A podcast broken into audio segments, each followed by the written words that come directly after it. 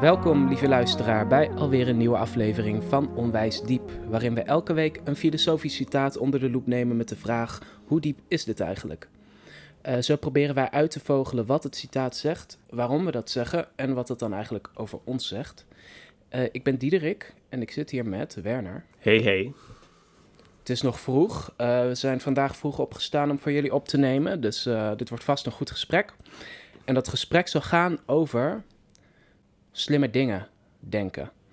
En um, dat citaat luidt namelijk: Al het slimme is alleen eens gedacht. Men moet alleen proberen om het nog eens te denken. Dat is een citaat van, uh, van de beroemde Goethe, Johann Wolfgang von Goethe. Laat ik eerst wat vertellen over Goethe. Nou ja, Goethe is een van de meest, de meest gevierde auteur in het Duitse taalgebied. Uh, ik heb nog nooit iets negatiefs over zijn uh, literaire belang gelezen, geloof ik. Uh, en uh, daarom is hij natuurlijk ook een uitstekende bron van mooie citaten. Misschien doen we er in de toekomst nog wel meer. Uh, want ik kwam ook, toen ik dit citaat nazocht, nog weer mooie stukjes tegen. nou, hij leefde dus in de tweede helft van de 18e eeuw en de eerste helft van de 19e. Dit citaat komt uit Wilhelm Meisters Wanderjaren, een boek vol levenswijsheid. En dit is daar dan een deel van. ja, laten we beginnen met wat associaties. Werner, wat, waar dacht jij aan toen, toen toen ik zei dat we dit citaat gingen doen? Nou, ik dacht uh, yes. Want dit is ook eentje die ik echt wel uh, regelmatig soort uh, in, in mijn leven heb verweven, zo nu en dan. En ik weet niet of dat mijn schuld is, dat ik daar zelf iets van heb gemaakt. Maar ik, ik herinner me dat ik het altijd heb gezegd als... alles van waarde is al eens gedacht. het is slechts onze taak mm. het opnieuw te denken. En het is dus al het verstandige of al het slimme. Maar, maar ik, ik um, gebruik het heb het in het verleden in ieder geval altijd gebruikt als een soort van aanmoedigingsleuze. Uh, wanneer ik een writersblok had of wanneer ik uh, uh, iets creatiefs wilde doen, dan bekruipt je altijd zo'n gevoel van ja, maar alle boeken zijn toch al geschreven of alle muziek is toch al gemaakt, alle akkoorden zijn toch al een keer gespeeld en alle popliedjes zijn misschien wel hetzelfde. En dan was dit een citaat om te zeggen: nee joh, gebruik lekker die vier akkoorden, want als jij het doet, uh, dan is dat toch nog waardevol. Uh, ook al heeft iemand anders het ook al gedaan, zeg maar. Dat was een beetje mijn eerste. Uh, daar heb ik het in ieder geval in het verleden voor gebruikt. Ik ben benieuwd of eruit komt dat dat inderdaad is hoe we het moeten interpreteren. Ja, ja mooi. En Ja, van een, een C-akkoord is, is ook vandaag de dag klinkt goed. Als het werkt, werkt het. is dat eigenlijk wat dit citaat zegt? Ja, nou, daar komen we zo ja, achter. Ja, ik, ik, dacht ik dacht meteen aan, uh, aan de middelbare school uh, waar we uh, bij Latijn een stukje lazen uit, uit de brieven van Seneca aan, aan Lucilius. Dat is dus waar we eerder een citaat uit hebben gehaald van Seneca. Oh, ja. en, en daar klaagt hij over zijn buren. Ik weet niet meer precies wat het was, maar in ieder geval, ze maakten veel lawaai s'nachts. En, en dat is het moment dat ik me realiseerde dat, ja, dat mensen uh, van alle tijden vergelijkbare problemen hebben. en, um, en dat, uh, dat er ook, uh, ook onder de illustere Romeinen oude mannen klaagden over, over jonge studenten en dat soort ja, ongein. Ja. En dat was voor mij toen een nieuwe gedachte. en en nou, daar moest ik even aan denken van omdat je dan ook in de adviezen die hij dan geeft, heel veel terugziet van, ja, soms misschien adviezen die wij nog steeds die we van hem hebben geleerd. maar ik denk ook vaak gewoon adviezen die misschien iedere generatie altijd weer opnieuw uitvindt. Ja, meer, meer op een uh, soort uh, maatschappelijk, uh, generationeel niveau worden de dingen opnieuw gedacht. Dan op dat individuele, creatieve vlak van mij. Ja. Ja, ja. zullen we er wat over gaan zeggen? Eerst moeten we het maar eens hebben over wat, wat we onder al dat slimme kunnen verstaan. Ja. In het Duits is dat dan alles gescheite. En uh, het woordenboek heeft mij verteld dat dat dan specifiek vooral verwijst naar uh, praktisch verstand, intelligentie en goed oordeelsvermogen. Dus alle, um, ja, daarom heb ik ook, uh, het ook vertaald als alle slimheden, of al het slimme. Ja, want ik denk heel snel eerder aan soort levenswijsheden dan aan, zeg maar, wetenschappelijke vooruitgang of zo.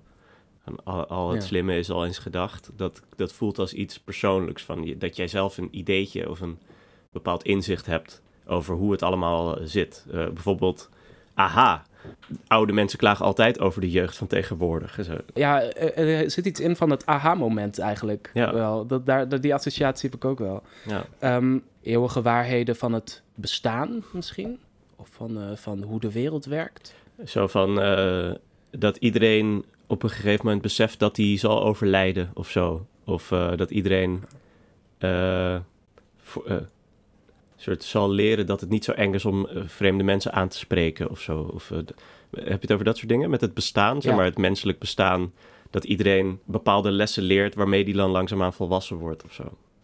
Ja, dat zijn in ieder geval veel van de, mm, ja, veel van de voorbeelden die opdoemen. Of veel van de, mijn associaties bij dit citaat, als ik dit hoor, denk ik vooral daaraan inderdaad. Dat soort inzicht in het leven, een soort van de basis vorm die elk leven uiteindelijk heeft. Van je hebt altijd dood, je hebt altijd ziekte, je hebt altijd liefde. Uh, nou ja, mijlpalen en generationele verschillen. Een beetje dat soort basisfeiten hmm. waar, waarvan het niet zoveel uitmaakt wanneer of waar je geboren wordt.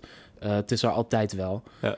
Um, uh, maar misschien, ik denk niet dat het daartoe beperkt is. Want je kan ook nog wel denken aan filosofische inzichten in uh, hoe de kosmos werkt of zo. Maar die niet mhm. puur wetenschappelijk zijn. Meer van, oh ja, vergankelijkheid. Of uh, dingen die, uh, weet je, juist waar veel van dit soort citaten over gaan. Die wij uh, in deze podcast bespreken. Ja, zo, van als je troebel water met rust laat, dan wordt het vanzelf helder. Dat is een, een, een inzicht wat volgens jou dan niet over het leven gaat, maar over de kosmos. Ik, heb, ik ben geneigd om te zeggen dat dat toch ook wel eerder te maken heeft met soort je houding in de kosmos of zo. Van hoe, hoe moet je je verhouden tot de kosmos? En dat is dan toch wel weer meer een, levens, uh, een levenskwestie. Ja, volgens mij is het punt dan meer dat uh, je een inzicht hebt opdoet of een inzicht hebt op een moment in de wereld, in hoe die werkt. En dat je dan inderdaad vervolgens daar je les uittrekt voor jezelf. Yeah. Maar het hoeft niet meteen uh, meer om te benadrukken dat het niet per se puur over het leven hoeft te gaan. Het kan ook zo zijn van, oh, zo werkt de natuur. En ik hoor daarbij en daarom moet ik me daarnaar voegen. Of zo, bijvoorbeeld dat soort inzichten. Het is zeg maar niet een inzicht over de menselijke conditie, maar meer over, ja, een, een, ik zou het misschien nog wel een levensinzicht kunnen noemen, maar dan meer over hoe, hoe je in de wereld bent. Ja, oké. En wat vind je van mijn, um, want die slimmigheden, met mijn eerste associatie dacht ik dus aan iets creatiefs. En denk ik bijvoorbeeld aan uitvindingjes of uh, maniertjes om iets te doen. Mijn eerste uh, associatie is bijvoorbeeld met een fietsenmaker die dan op een heel veel snellere, efficiëntere manier dan jij kan uh, je ketting vervangt. Omdat hij precies weet hoe die, met welke technieken ah, die dan je ketting moet vervangen. Dan zou je kunnen zeggen, die slimmigheden, dat zijn dan techniekjes. Of dat zijn dan manieren om snel iets gedaan te krijgen. En dat hoeft dan niet over het leven in het geheel te gaan, maar meer... Zo de kneepjes of kneepjes. zo. Mooi kneepjes van vakmanschap of van... Ja, ja uh, wat denk je, zou Goethe met dit citaat ook daarop kunnen doelen? Want voor mijn gevoel heeft hij toch ook wat meer dan juist over de minder toegepaste, meer de universele, wat vagere waarheden. Ja, maar het is wel, ik denk wel dat we, ik heb het idee dat je dat uh, slimme, uh, moet lezen als iets anders dan wijsheid of zo. Misschien dat het wel voelt als een soort inzicht, maar dan wel als een praktisch inzicht en niet, ja. niet als een filosofische waarheid of, of wijsheid. Ik ben uh, toch benieuwd van, want als het bijvoorbeeld gaat om mooie boeken of mooie schilderijen of kunstwerken, dat was waar mijn writersblok dan vandaan komt, het gevoel dat alle, alle verhalen al een keer geschreven zijn. Dat jij niks nieuws kan toevoegen. Maar ik weet niet of dat, of, of dat een eerlijke interpretatie is van al het slimme. Ik ben nu geneigd te zeggen van niet. Ja, misschien kunnen we daar later nog even op terugkomen. Mhm. Maar het zit inderdaad wel, het zit dan een beetje in tussen heel abstracte waarheden, dat is het net weer niet, en heel, heel concrete toegepaste kneepjes van een specifiek vak of zo. Misschien is het het soort inzicht dat je helpt juist bij een grote, um, grote verscheidenheid aan praktische dingen in het bestaan of zo. Ja. Ehm, ja, dus uh, al het slimme is al eens gedacht en men moet alleen proberen om het nog eens te denken. Ja, wat uh, misschien, heel, uh, misschien iets korter over dat denken, het al gedacht zijn van het slimme en dat we het moeten proberen opnieuw te denken. Wat zou denken daar betekenen? Want ja, je kan natuurlijk zeggen dat is alleen maar op het idee komen of op een, een leuk idee komen. Dat is ja, veel van de voorbeelden die we net gaven zaten een beetje in die richting, geloof ik. Ja, een inzicht verkrijgen of zo over, over het bestaan.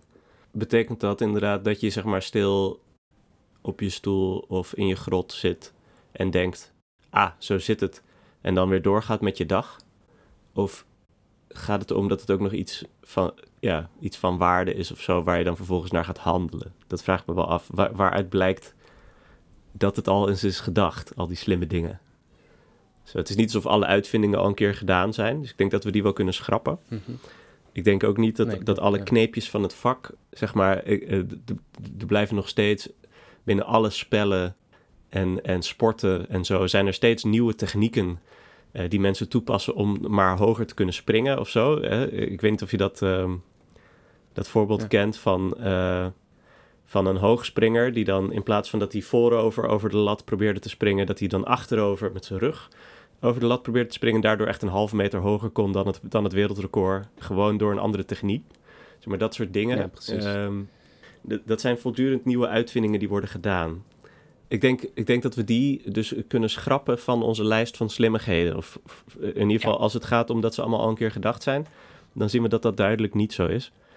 Uh, maar van die levenswijsheden kan ik me nog wel goed voorstellen dat we allemaal mensen zijn en dus allemaal met min of meer dezelfde algemene levensproblemen te maken hebben van omgaan met anderen en omgaan met jezelf en verhouden tot uh, de vrede natuur of uh, tot de dood of dat soort dingen ja, maar wat, wat betekent het dat je dat denkt? Betekent dat dat je dat je het ervaart?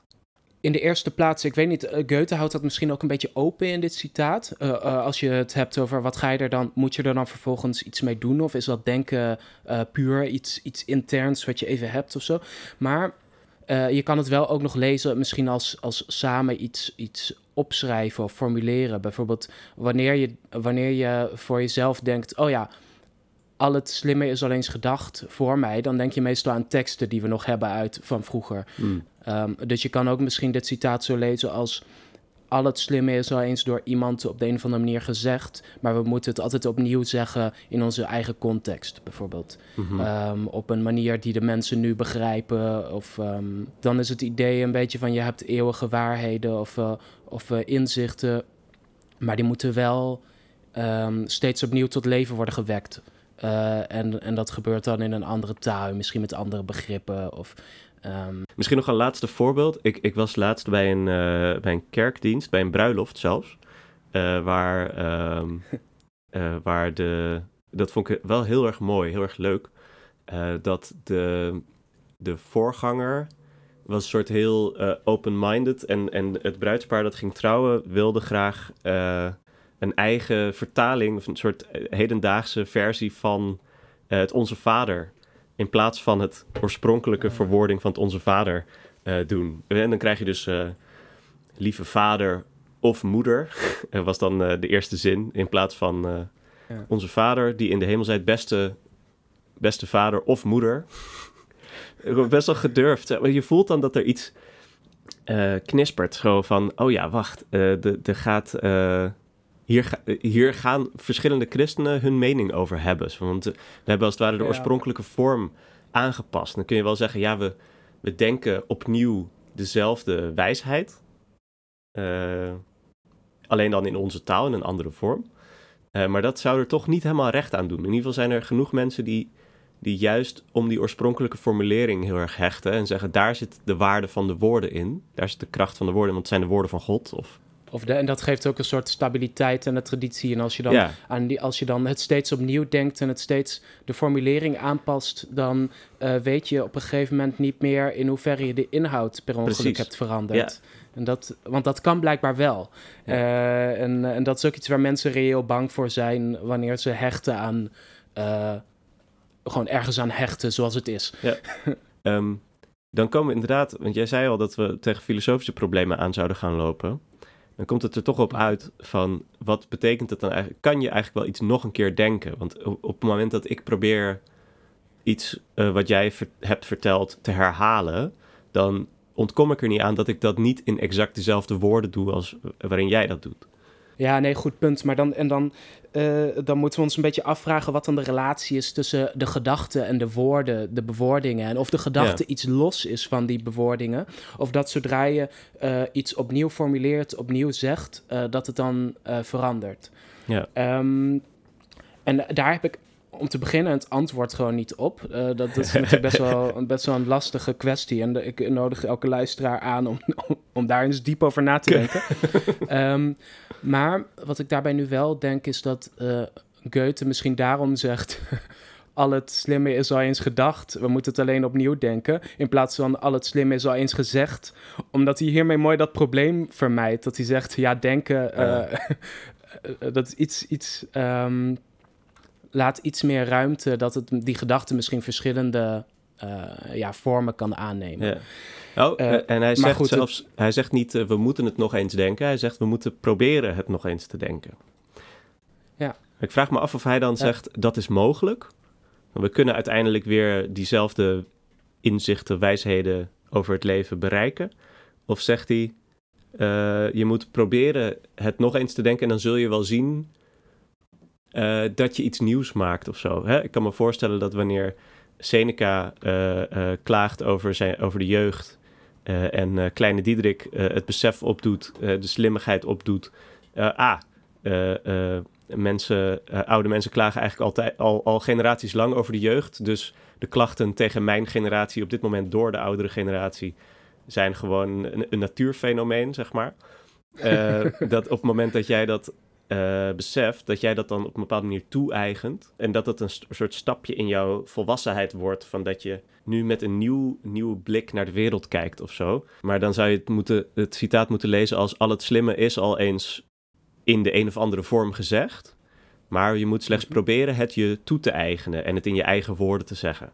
Ja, dat vind ik op zich wel een, een leuke uh, lezing. Ook waar ik wel iets voor voel. Maar dan is het meer van. Um, er is een grote rijkdom aan, aan slimheden opgeschreven. Nou goed, we weten alleen wat er is opgeschreven. Uh, kijk daar nog eens naar en, en, en, en uh, kijk wat je daar nu mee kan. Uh, maar je kan het misschien ook wel iets traditionalistischer lezen van... Um, ja, je kan natuurlijk ook wel gewoon denken, Goethe bedoelt hiermee... er is een selectie aan waarheden van het leven... Misschien zelfs inzichten in hoe je het beste kunt leven... of hoe je het leven het beste aan kunt pakken... Mm en elke generatie moet precies diezelfde inzichten, hoe ze ook worden geformuleerd, opnieuw ontdekken. En dit citaat, wanneer hij zegt moeten proberen, uh, stelt hij ieder, uh, iedere generatie er een beetje voor die taak. Van het is de taak van iedere generatie om zich opnieuw. Um, bedoel, ik, Tot volwaardig mensen te ontwikkelen. Ja. Ja, precies. Dat, dat uh, iedereen moet weer volwassen worden. weet je, iedereen moet opnieuw, elke generatie moet leren volwassen te worden. En en misschien hoef je daar niet eens per se voor um, te kijken naar wat de vorige generaties heeft, hebben opgeschreven. Hè? Omdat hij dat niet expliciet zegt. Hij zegt niet van, oh, duik nog eens in Seneca. Hij zegt, je kan dit ook opvatten als kijk goed naar de wereld. Want, dan, want daar, daardoor die zal je leren hoe je... Uh, weet je, iedere, iedere generatie hoeft alleen maar goed om zich heen te kijken en naar zijn bestaan. Om, om te ontdekken hoe die uh, het beste kan leven. Ja. in ieder geval bepaalde algemene uh, slimheden te, te ja. Ja, het is, opnieuw te verwerven. Dat, dat brengt mij wel op inderdaad wel een vraag van, uh, van uh, waardoor komt het dat het alles al is gedacht? Hè? Komt dat omdat alle levens structureel min of meer hetzelfde zijn? Uh, ja. Dus is dat iets wat ik van andere mensen kan leren of wat, wat ik van de structuur van het leven zelf kan leren? Um. Ja, dat is een goede vraag. Dus ja, en dat maakt ook de rest van het citaat van we moeten proberen die, die culturele uh, hoge inzichten die, die we bereikt hebben als cultuur, zeg maar, die moeten we opnieuw waarderen of levend houden. Dan wordt het een heel conservatief argument. Uh, maar ik kan ook zeggen mhm. dat het meer een natuurlijk soort, hè, daar, daar neigden we eerst naar, van wat zijn die slimmigheden? Dat zijn slimmigheden, inzichten over het leven. Daar heb je dus geen, mhm. strikt genomen, uh, zal iedere ieder, ieder mens in iedere cultuur die waarschijnlijk een keer tegen het lijf lopen, zeg maar, dat soort, dat soort wijsheden. Uh, en dan is de taak, we moeten het proberen opnieuw te denken. Dus ook niet eentje waarbij je zegt, lees oude boeken en uh, cultiveer jezelf. Maar nou, eigenlijk maak je geen zorgen. er zijn mensen jou voorgegaan en die hebben het ook zwaar gehad. Zeg maar. Het wordt echt een heel andere toon van het citaat. Ja, misschien ook wel in lijn met, met jouw eerste associatie van van uh, geen zorgen, al het slimme is alleen eens gedacht. Maar uh, uh, doe gewoon je best om het nog eens te denken. Want daarin zit de waarde. In dat gewoon steeds opnieuw weer denken. Maakt niet uit of het nieuw is, of het innovatief is. Of ja, daar gaat het niet om zelfs. Ja. En daar, daar voel ik wel iets voor. Want ik denk wel vaak dat juist die inzichten die en ik weet niet of dat een, een trucje is van, ons, van onze eigen geest. Maar vaak de inzichten die voor mij het meest waardevol voelen. Of het meest waar of zinnig zijn toch best wel algemeen. Of best wel. Um, zijn meestal die gaan, eh, je bedoelt, die gaan meestal over het leven op zichzelf en niet over uh, specifieke dingen in de, in de wereld. Ja, uh, zo van het leven als zodanig. Ja. En levenswijsheid werkt juist zo goed omdat je hem um, op veel dingen kan toepassen. Ja. Dat hij een beetje, een soort van, dus zowel de vriend als vijand van de filosoof, denk ik. Ik zeggen, ja, dat is ook de klacht van Zizek, toch? Je kan, uh, maakt niet uit wat je doet, je kan altijd wel een wijsheid verzinnen die het goed praat. Dat is wel de vraag van, want dan vind ik het lastig om te zeggen wat is het nou waarom we het nog een keer moeten denken? Want wat is dan de inhoud daarvan? Uh, wat, brengt, wat levert dat op of zo? waarom, waarom is dat onze taak? Zeker omdat met Goethe in het achterhoofd, die, die heel duidelijke uh, beeldingsvoorstander was, zeg maar, die beeldingsromannen, dat gaat mhm. over de zelfontwikkeling en cultivering van iemand. Dat is heus niet alleen maar met je neus in de boeken zitten, uh, maar dat is ook iemand die op reis gaat en daar dan allemaal mensen leert kennen en daar ja. gaandeweg van groeit. Een, coming-of-age story, zeg maar. Dat lijkt dan wel te gaan om eigen je die wijsheden die in de cultuur zweven toe, zeg maar. En ik kan het niet helpen, maar dan moet ik toch denken aan, aan um, types als, als Carl Jung of zo, die dan zeggen, ja, er is een soort van collectief onderbewustzijn en dat heeft gewoon een bepaalde structuur. En die vind je terug in alle mythes en verhalen die die we uh, als mensheid aan elkaar vertellen. Dat is een soort universele structuur. En alleen al die fabels en die mythes en die sprookjes die we vertellen, dat zijn allemaal uh, ja, verschillende uitingsvormen daarvan. Maar het is eigenlijk allemaal hetzelfde. En uh, als we die verhalen op een verkeerde manier gaan vertellen of zo, dan gaat dan. Dat is in ieder geval wat hedendaagse interpreten daar dan van maken. Is van ja, dat is een soort teken van degeneratie. Dat we met Disney niet meer uh, een mannelijke held hebben die uh, gewoon uh, op avontuur gaat en dan hè, die, de, de oerstructuur van het verhaal opnieuw uitbeeldt. Maar we gaan ineens andere verhalen lopen vertellen die helemaal niet beantwoorden aan dat collectieve onderbewuste. En dan wordt het heel snel conservatief, weet je wel? Ja, precies. Van dit, is, ja, dit zijn de eeuwige, dit is de selectie eeuwige waarheden. En die zijn het waard om verteld te worden. En als het niet klinkt zoals die die ik van mijn ouders heb geleerd, dan, um, dan uh, is het waarschijnlijk geen eeuwige waarheid, maar gewoon een dwaling van de tijd ja. of zo. Uh, iets in die richting. Ja. Nou, precies. Uh, je kan je goed voorstellen dat Seneca in de Romeinse tijd dit citaat heeft gezegd tegen die jongeren die naast hem woonden van hey, jullie moeten snel volwassen worden. ik heb het al een keer bedacht en de mensen voor mij hebben het al een keer bedacht. Jullie moeten ook eens inzien dat dit soort dit soort uh, onbesuist gedrag, uh, dat dat echt uh, helemaal niet menswaardig is. Zeg maar. ik, ik kan me goed voorstellen dat je daar dit citaat voor kan gebruiken. Ja, zo van het verstand van bijvoorbeeld van de volwassenheid. Dat, daar zit dat ook een beetje in. Dat word nou eens volwassen betekent meestal iets heel concreets. Van doe nou eens wat, wat je hoort te doen op deze leeftijd of zo, ja. weet je. ja, het is lichtgevoelig. Ja, zullen we, zullen we het beoordelen? Uh, ja. Of hebben we dat al gedaan? zijn we er wel... Nee, ik denk dat we er wel aan toe zijn. We hebben wel wat verschillende kanten uitgedacht. Want dan heb ik wel wat te oh, zeggen. Oh, oké. ja, nee, ik wil zeggen van... Ik, ik lees het dus echt niet, niet op, zo, op, op die conservatieve manier. Uh, mijn neiging, en ook denk ik na deze bespreking, is nog steeds...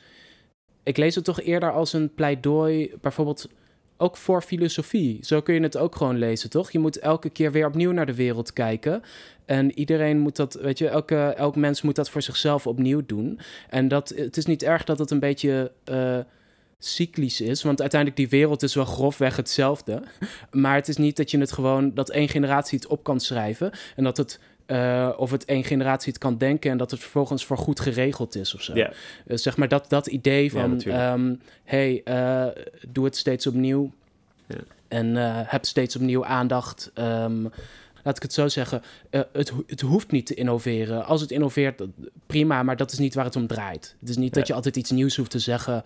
Um, zeg in ieder geval iets, misschien iets zinnigs voor jezelf of zinnig voor je tijd. Beetje in die richting. Ja, ja vind ik wel mooi. Uh, meestal uh, mensen die zich, zoals filosofen, die zich met eeuwige waarheden en zo bezighouden, staan er niet zo bij stil dat we een generationele soort zijn. We zijn niet mensen die zelf, we zijn niet wezens die zelf eeuwig zijn, maar we leven per generatie. Die moet zich, iedere generatie moet zich ineens opnieuw toe-eigenen wat we allemaal weten. Want anders dan gaat het verloren. Eh, dingen gaan gewoon verloren met mensen die overlijden.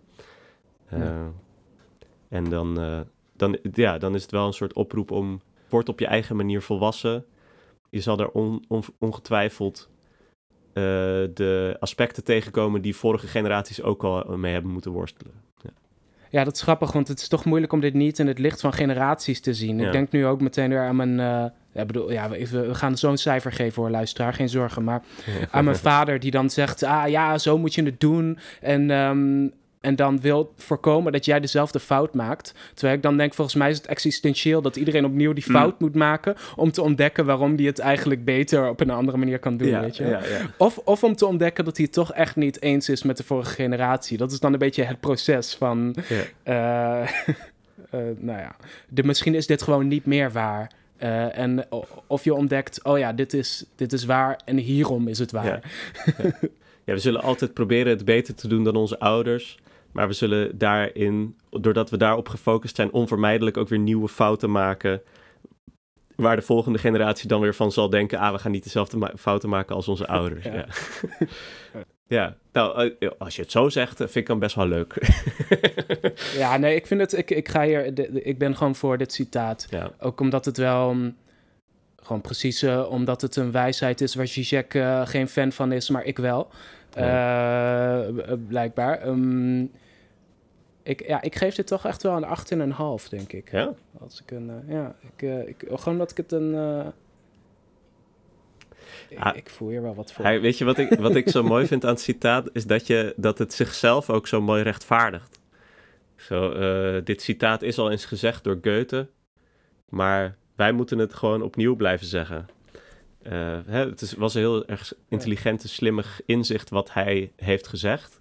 Wat we blijkbaar aan hem toeschrijven, maar waarschijnlijk was er voor hem al lang iemand die dat had uh, gedacht. En hij had het opnieuw gedacht. En wij moeten nu proberen dit opnieuw toe te eigenen. Dus ik vind dat we dat dan wel weer heel mooi hebben gedaan uh, in, deze, in dit gesprek. Ja, en, uh, maar, je hoeft dat, precies. maar je hoeft hem daar niet eens voor gelezen te hebben. Want dat precies, is ook ja. een ervaring die ik vaak heb en die ik dan heel leuk vind. Dus dat ik een, heel, dat ik een, een gedachte heb die ik dan heel slim vind en die ik uh, jarenlang ronddraag. Dat ik dan een boek lees uit, weet ik wel, 1840 en dat iemand dat ook zegt. Ja, ja. Die zegt, oh, het, het was niet, niet mijn innovatie en dat is ook niet erg. Het is gewoon best wel leuk dat je dan blijkbaar tot hetzelfde inzicht komt. Uh, helemaal onafhankelijk, omdat je gewoon dezelfde wereld hebt. Of ja. Zo. ja, ja, ja. Um, het, het, dat vind ik leuk. Het voelt alsof je dan ineens een vriend ontdekt. Zo heel erg in een andere ja. tijd. Of in uh, zo van, ah, je herkent wat ik ook heb gezien. Uh, en dan, dus precies. het bevordert als het ware de gezamenlijkheid van de mensheid. Als wij proberen het nog eens te denken, dan kunnen we elkaar makkelijker herkennen. Nou, dat ja. vind ik een mooi slot. Uh, op basis daarvan, Diederik, ga ik je overtreffen en ga ik het uh, een 9 geven. Want een 8,5 is een oh, half. goed, want ik, ik wilde eigenlijk een 9 geven, maar ik dacht, nou, mag dat? Nou, mag wel. We geven het mag gewoon een 9. Joh, doe niet zo gek. Ja. wij hebben hier de macht. uh, we weten, weten we al wat we, volgende, wat we volgende week gaan bespreken? Nou, misschien om, uh, niet om in herhaling te vallen, maar wel misschien om iets verder uit te diepen waar dit citaat eigenlijk over ging, vind ik het citaat van Immanuel Kant wel mooi.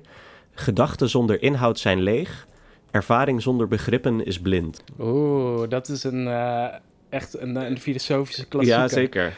Oké, nou, dan kunnen we trots uh, Goethe afsluiten met een 9, waar we het gezamenlijk over eens zijn. Bedankt Goethe, bedankt Werner. Bedankt Diederik. Uh, bedankt luisteraar. en uh, volgende week zijn we bij u terug. En volgende week zijn we bij je terug met een mooi citaat van Kant. Yes. Tot dan. Tot dan.